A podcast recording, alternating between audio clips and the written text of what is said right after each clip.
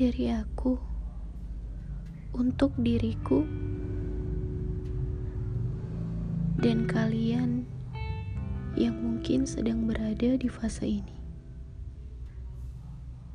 Aku pernah dengerin salah satu lagu dari Pamungkas yang sekarang sudah masuk ke daftar lagu favoritku. Ternyata memang benar. Ada salah satu liriknya yang menurutku sama dengan yang aku rasakan. Mungkin bahkan kalian. Kalimatnya seperti ini. If you love somebody, go to set them free. Ya, ternyata memang benar. Cinta bukan hanya tentang keinginan.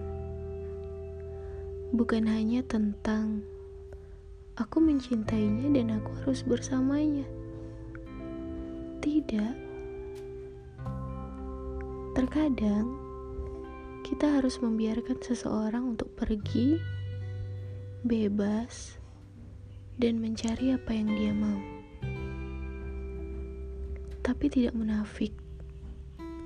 Kita tidak akan baik-baik saja ketika kita membiarkan dia bebas. Akan ada banyak pertanyaan yang tidak mendapat jawaban mengapa dia melangkah pergi? Mengapa dia dengan mudah menggantikanku? Dan mengapa tidak bertahan dan mencobanya sedikit lagi? Aku pikir itu hal yang wajar. Tidak ada orang yang baik-baik saja ketika kehilangan yang pernah jadi miliknya. Tidak ada orang yang baik-baik saja ketika yang pernah jadi miliknya sekarang telah dimiliki orang lain. Fase ini memang tidak mudah. Kita harus membiasakan diri tanpa kabar darinya. Tanpa kebiasaan-kebiasaan yang dulu menjadi hal yang menyenangkan untuk kita menjadi sesuatu yang kita tunggu-tunggu setiap harinya. Dan itu berlangsung lama. Mungkin ada banyak masalah-masalah di luar sana tentang kehilangan. Tapi menurutku sangat sakit ketika kita kehilangan karena kita sudah tidak diinginkan lagi. Lalu, kita harus apa selain mundur? Yang paling tidak adil rasanya ketika kita melewati fase ini sendirian, sedang dia sudah bahagia dengan pilihannya. Bahkan sedikit pun tidak pernah memikirkan perasaan kita ini memang terlihat jahat. Tapi kita harus yakin yang terjadi saat ini adalah sebuah proses. Proses yang menjadikan kita untuk lebih kuat lagi. Karena semakin kita membenci, maka akan semakin sakit.